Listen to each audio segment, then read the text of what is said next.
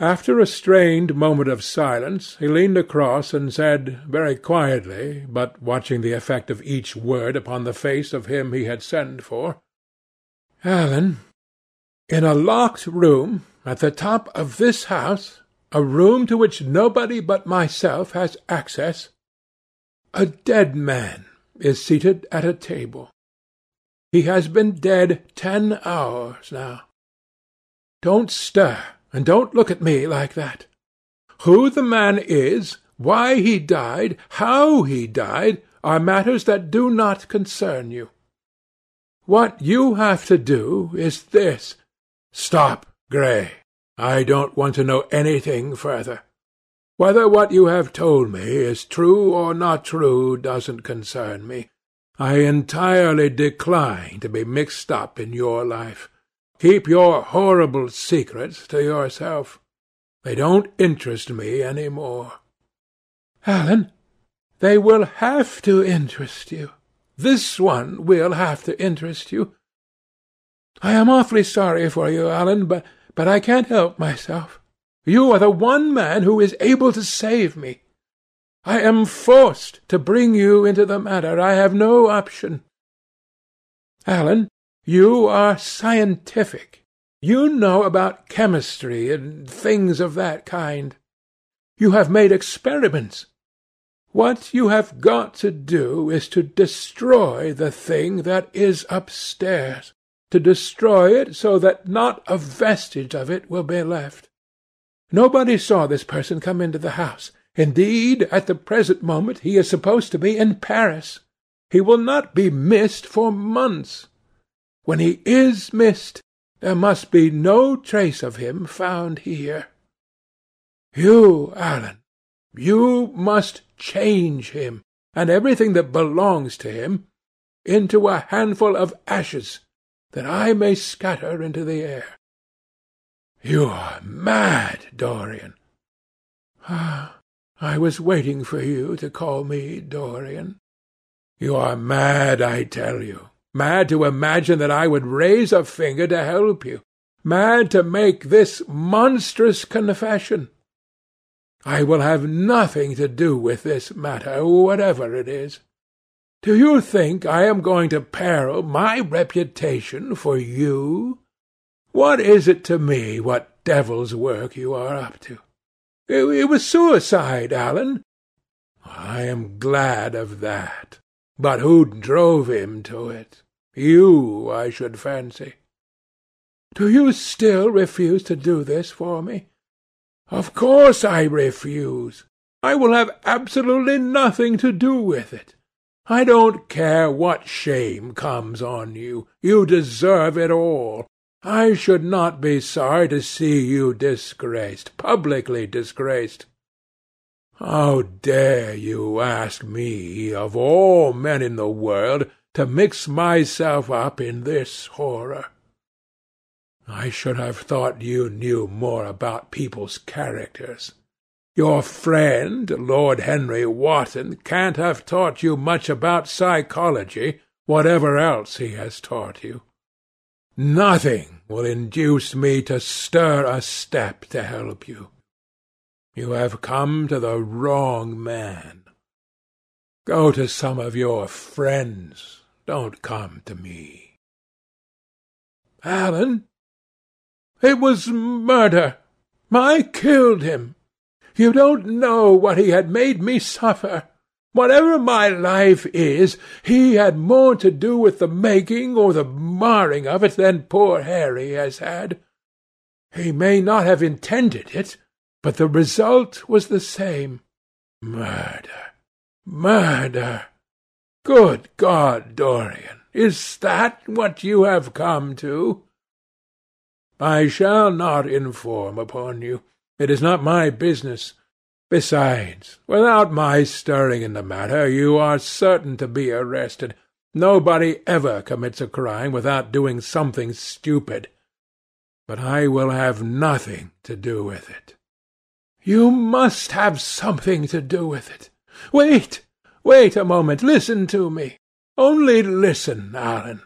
All I ask of you is to perform a certain scientific experiment. You go to hospitals and dead houses, and the horrors that you do there don't affect you.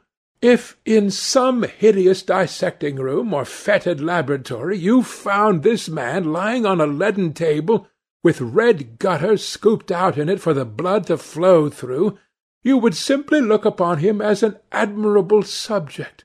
You would not turn a hair. You would not believe that you were doing anything wrong. On the contrary, you would probably feel that you were benefiting the human race, or, or increasing the sum of knowledge in the world, or, or gratifying intellectual curiosity, or, or something of that kind. What I want you to do is merely what you have often done before. Indeed, to destroy a body must be far less horrible than what you are accustomed to work at. And remember, it is the only piece of evidence against me. If it is discovered, I am lost, and it is sure to be discovered, unless you help me. I have no desire to help you. I am simply indifferent to the whole thing. It has nothing to do with me. Alan, I entreat you, Think of the position I am in. Just before you came, I almost fainted with terror. You may know terror yourself some day. No, don't think of that. Look at the matter purely from the scientific point of view. You don't inquire where the dead things on which you experiment come from. Don't inquire now. I have told you too much as it is. But I beg of you to do this. We were friends once, Alan. Don't speak about those days, Dorian. They are dead. The dead linger sometimes. The man upstairs will not go away. He is sitting at the table with bowed head and outstretched arms. Alan, Alan, if you don't come to my assistance, I am ruined. Why, they will hang me, Alan. Don't you understand? They will hang me for what I have done. There is no good in prolonging this scene. I absolutely refuse to do anything in the matter. It is insane of you to ask me. You refuse? Yes. I entreat you, Alan. It is useless. The same look of pity came into Dorian Gray's eyes. Then he stretched out his hand, took a piece of paper, and wrote something on it. He read it over twice, folded it carefully, and pushed it across the table. Having done this, he got up and went over to the window. Campbell looked at him in surprise, and then took up the paper and opened it.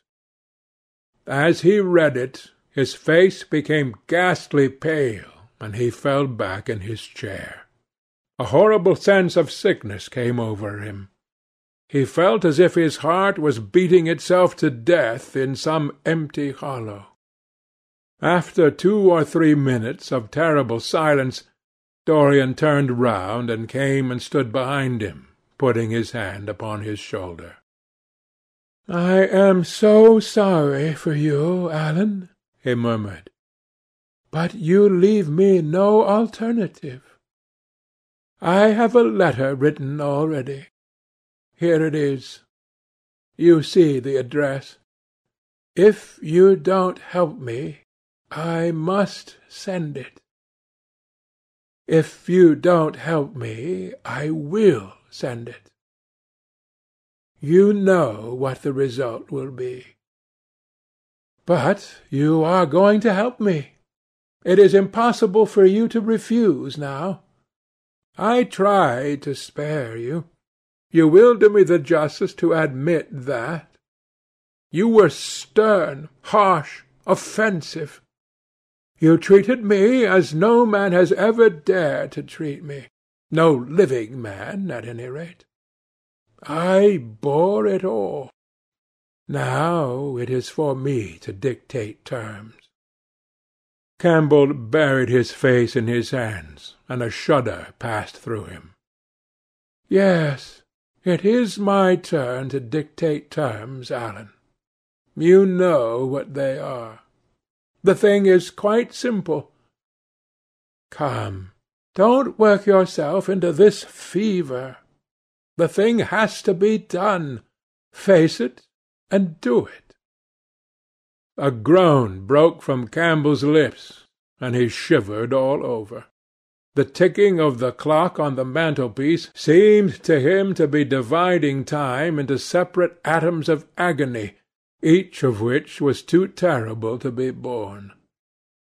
He felt as if an iron ring was being slowly tightened round his forehead, as if the disgrace with which he was threatened had already come upon him. The hand upon his shoulder weighed like a hand of lead. It was intolerable. It seemed to crush him. Come, Alan, you must decide at once. I cannot do it, he said mechanically, as though words could alter things. You must. You have no choice. Don't delay. He hesitated a moment. Is there a fire in the room upstairs? Yes, there is a gas fire with asbestos. I shall have to go home and get some things from the laboratory. No, Alan, you must not leave the house. Write out on a sheet of note paper what you want, and my servant will take a cab and bring the things back to you. Campbell scrawled a few lines, blotted them, and addressed an envelope to his assistant. Dorian took the note up and read it carefully. Then he rang the bell and gave it to his valet, with orders to return as soon as possible, and to bring the things with him. As the hall door shut, Campbell started nervously, and having got up from the chair, went over to the chimney-piece. He was shivering with a kind of ague. For nearly twenty minutes neither of the men spoke. A fly buzzed noisily about the room, and the ticking of the clock was like the beats of a hammer. As the chime struck one, Campbell turned round and looking at Dorian Gray, saw that his eyes were filled with tears. There was something in the purity and refinement of that sad face that seemed to enrage him. "You are infamous, absolutely infamous," he muttered. "Hush, Alan. You have saved my life," said Dorian. "Your life!" Good heavens, what a life that is! You have gone from corruption to corruption, and now you have culminated in crime. In doing what I am going to do, what you force me to do, it is not of your life that I am thinking. Ah, Alan, murmured Dorian with a sigh. I wish you had a thousandth part of the pity for me that I have for you. He turned away as he spoke, and stood looking out at the garden. Campbell made no answer. After about ten minutes a knock came to the door, and the servant entered, carrying a large mahogany chest of chemicals, with a long coil of steel and platinum wire and two rather curiously shaped iron clamps. "Shall I leave the things here, sir?" he asked Campbell. "Yes," said Dorian. "And I am afraid, Francis, that I have another errand for you. What is the name of the man at Richmond who supplies Selby with orchids?" "Harden, sir." "Yes, Harden.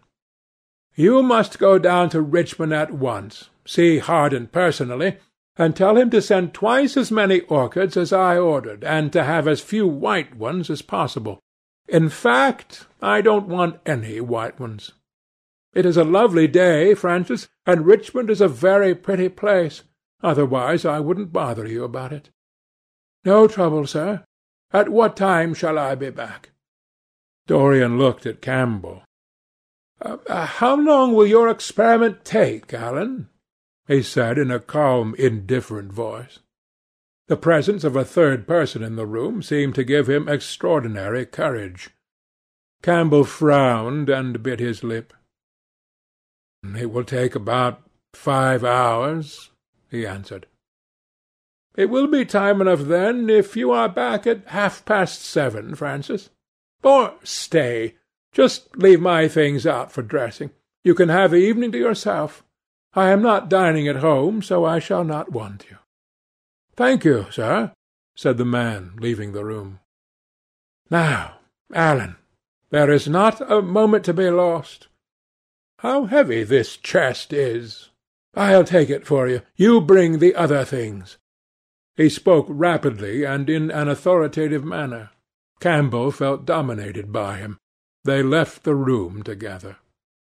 When they reached the top landing, Dorian took out the key and turned it in the lock. Then he stopped, and a troubled look came into his eyes. He shuddered. "I don't think I can go in, Alan," he murmured. "It is nothing to me. I don't require you," said Campbell coldly. Dorian half opened the door. As he did so, he saw the face of his portrait leering in the sunlight. On the floor in front of it the torn curtain was lying. He remembered that the night before he had forgotten, for the first time in his life, to hide the fatal canvas, and was about to rush forward, when he drew back with a shudder. What was that loathsome red dew that gleamed, wet and glistening, on one of the hands, as though the canvas had sweated blood?